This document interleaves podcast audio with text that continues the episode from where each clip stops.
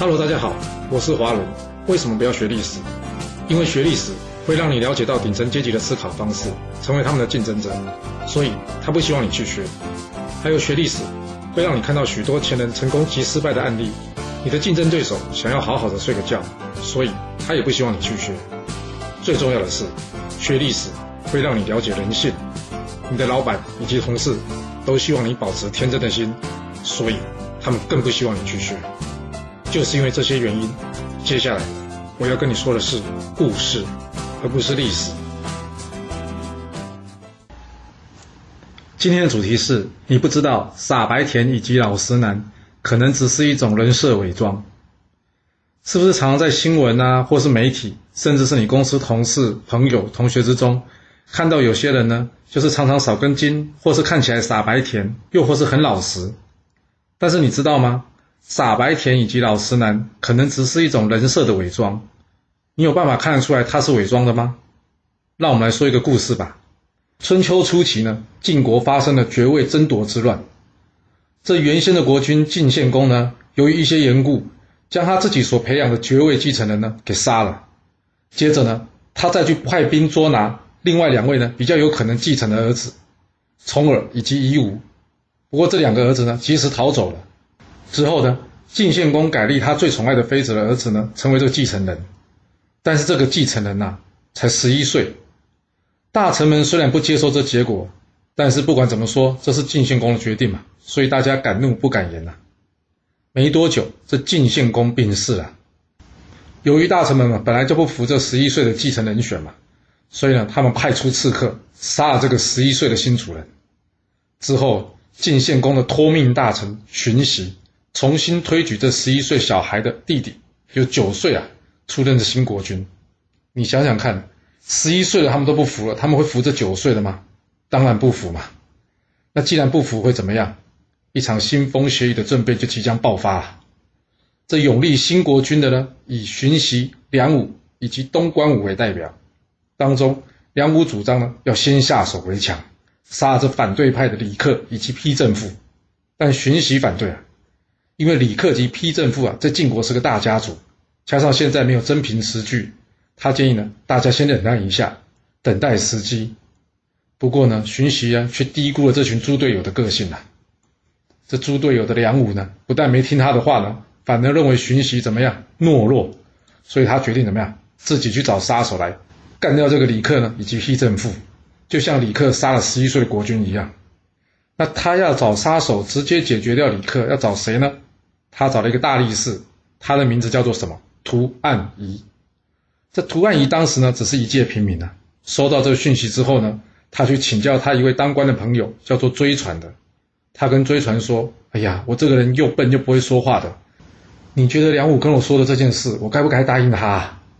追传跟他说：“别傻了，梁武、东关武还有勋息，他们想要拥立九岁的新国君的计划是不会成功的。”现在所有的大臣呢，都是向着李克以及批正父，大家呢都想要去将这个逃出去的两位继承人找回来接任。你说你跟他们在一起，你会偿命吗？涂岸莹听完追传的话之后，问他：“那你觉得我应该怎么做呢？”追传告诉他：“你可以先假装答应这两股，之后呢，我去告诉李克以及批正父，要他们准备好，到时你就做内应，帮忙杀了这些人。”计划好之后，追传去联系李克以及批正父。那图案仪呢，则是假装按照梁武的计划进行。时间一到，这图案仪呢，果然倒戈相向，先杀这梁武，再杀这九岁的新国君以及大臣荀息。最后呢，他与李克以及丕正父等一行人，成功的完成了这次政变，而获得了封官进爵啊。接着，他们想请晋献公逃亡在国外的儿子重耳回国即位，但却被重耳给拒绝了。无奈之下，只好去请晋献公的另外一个儿子。夷吾回来继位，夷吾知道很多大臣呢，并不是一开始就真心要他回国的，所以呢，他对大臣们是有戒心的。加上夷吾自己呢，本身是个不守信用的人，他原先答应李克以及批政府呢，若是他们同意呢，协助他回国，他会好好的奖赏他们。但万万没想到的是呢，这夷吾回国之后啊，椅子都还没坐热啊，他答应李克以及批政府的赏识啊，他早就抛到九霄云外去了。李克知道这件事啊，他当然很不满意啊，想这个国君怎么那么没信用啊？所以怎么样，难免会摆臭脸给这个国君看。看到这李克的臭脸呢，这夷吾呢不但不检讨自己啊，反而是怎么样，想要杀李克，想说这个大臣实在太嚣张了。而且呢，这李克一开始呢，并没有打算邀请他回国，要不是重耳拒绝，李克根本不会给他机会。嗯，这李克并不忠心呐，所以呢，夷吾找了个借口，要怎么样除掉这个李克？他找什么借口呢？这个借口就是呢，李克之前呢杀了晋献公的托命大臣荀息以及两位国君，所以罪无可赦。李克听到这理由啊，气得大骂说：“夷吾，我不杀他们，你怎么回得来啊？我因为有功反而被杀，我不服。”但李克不服归不服啊，最后还是被逼死了。而这李克一死的消息呢，传进当初一起造反的这个批政府的耳里呢，那批政府当然也会担心自己的安危嘛。他想又用计呢，先剪除掉遗物身边的人，但是对方已经有防备了。不但批政府的计划没有成功，对方呢还派人日夜来监视批政府的动态。这批政府呢并没有察觉到自己已经被人盯上了。不过还好，由于他平日做事谨慎小心，暂时遗物也没找到他杀他的理由。不过呢，这日子一久了，批政府也忍耐不住了。一天夜里啊，批政府找来许多大臣。讨论要准备推翻义乌的计划，但他没想到的是呢，义乌这边呢早就派人去监视他们了，而这监视呢赶紧向义乌回报。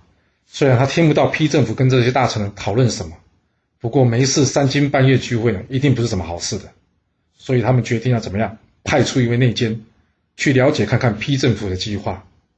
找谁去做内奸呢？想来想去，他们想到了个谁？就是头脑简单但是力大无穷的涂岸姨啊！他们告诉涂岸姨说：“涂岸姨，你就快死了！”哇！涂岸姨听到这句话吓了半死，问他说：“干嘛这样说？”他们接着说：“啊，你看呐，这李克因为造反被杀，但是当初实际上动手杀荀息以及国君的人，我们听说是你耶！啊，这李克都已经死了，你觉得你还能活多久呢？”哇！这句话把涂岸仪吓得半死啊！赶紧请他们帮忙说。哎呀，有没有什么好方法，不要让我死啊？他们告诉涂岸仪啊，你去做内奸吧，把批政府的罪证呢都拿到手，这样可以戴罪立功，免除一死。涂岸仪说：“可是我笨手笨脚又不会说话，我能做什么呢？”于是他们教涂岸仪应该要如何讲才能取得批政府的信任，接着才有机会拿到批政府的犯罪证据啊。涂岸仪照着做了。当天晚上，他去找批政府。但是批正富呢，避不见他。这涂岸仪呢，发挥他单纯的优势啊，你不见我，我就呆呆的站在门等。这一等呢，等到了半夜，批政府同情他了，最后还是开了门了，请他到屋内来，还问他说什么事啊，这么急？涂岸仪一听到批政府这么问呢，马上下跪说：“大人救我啊！”批政府被这突如其来举动吓了一跳，他扶起涂岸仪说：“站起来，有话好说，什么事啊？”涂岸仪接着说了。这夷吾杀了李克之后，现在要杀我啊？批政府问啊，什么原因呢？为什么要杀你啊？涂岸仪说：“因为呢，这真正动手杀国君跟荀息的人是我啊。”批政府说：“嗯，那如果真的是这样的话，你应该是去找夷吾信赖的大臣帮忙啊。你来我这干嘛嘞？我能帮你什么忙呢？夷吾又不相信我。”涂岸仪说：“哎呀，这就是他们出的主意，我拒绝他们有用吗？”批政府听了这话呢，觉得怪怪的。但又说不上哪里怪，他谨慎地问涂安仪啊：“那你希望我怎么救你啊？”涂安仪接着说了：“这夷吾呢是个背信忘义之人，他不像重耳是个贤能之人。我想，若是你可以找大臣们呢秘密联络来推举这个重耳，在我亲自将这信呢送给这重耳，到时重耳率领军队攻打回来时，我们来做内应，不怕这晋国攻不下来。一旦晋国被攻下来之后呢，我们就可以解决这个背信忘义的小人夷吾了。”批政府说：“你说这话可是认真的？”涂岸仪说：“哎呀，怎么不是认真的？你要是不信，我可以发誓啊！”于是他当场咬破手指，对天发誓：“若是我今天说的不是真的，要我全家族都灭亡！”哇，这一番话呢，果然得到批政府的信任啊。接着，他邀请涂岸仪呢加入九位大臣的造反行动，而这九位大臣之中呢，还包括了涂岸仪的好朋友追传呐。但这九位大臣呢，万万没想到啊！这前次与他们并肩作战、共同除掉对手、老实单纯的涂岸仪，竟然会出卖他们。最后这九人呢，全部被夷吾拿着他们造反的罪证呢，给当场处决了。听到这，你觉得涂汉仪只是一个会出卖朋友的小人吗？还是你觉得涂汉仪只是一位老实、头脑简单、四肢发达的人呢？我们常常会误会哦，将四肢发达与头脑简单连在一起，千万要排除这个迷思啊！第一，四肢发达的人不一定头脑简单；第二，老实的人呢，也不代表他不会为了自己的利益去伤害别人，尤其是他是不是老实，你根本看不出来。还有第三。常常说自己不会表达而少说话的人呢，你只能知道他只是说的话少了一点，并不代表他不会说话。你以为人家傻白甜老实男，所以你就容易卸下心防或是同情他，像这批政府一样。但你有没有想过，这傻白甜或是老实男，其实是他在这都市丛林中生存的保护色。就拿涂安仪来说吧，若他真的是老实，他便不会多想。第一次。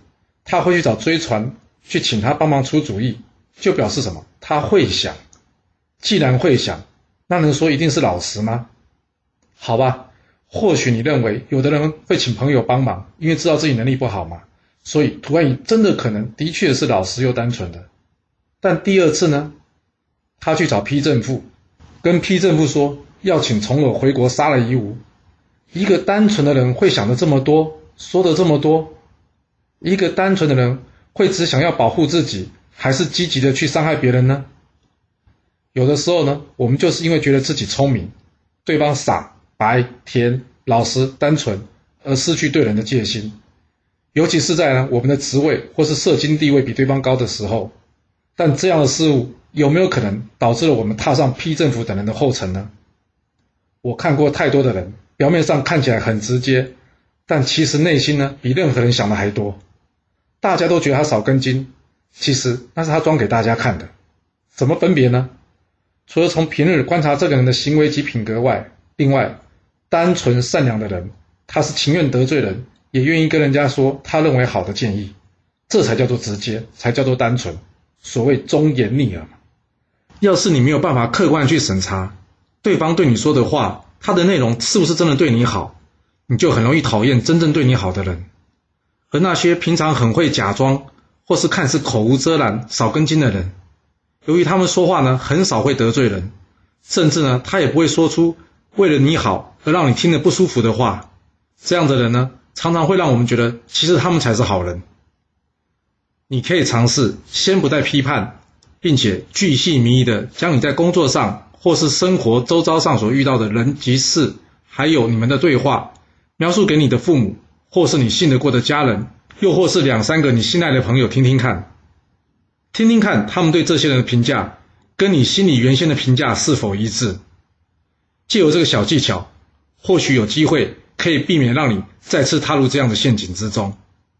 或许你有更好的建议，也欢迎留言给我哦。好啦，我们今天先说到这。如果你就是不听我的劝，想知道完整版的故事内容。你可以从说明栏找到我爱故事频道的连结，不过记住哦，你是来听故事的，而不是来学历史的。要是您喜欢这个频道，麻烦您动动您的手指，追踪、留言，或是给我五星评价的支持以及分享。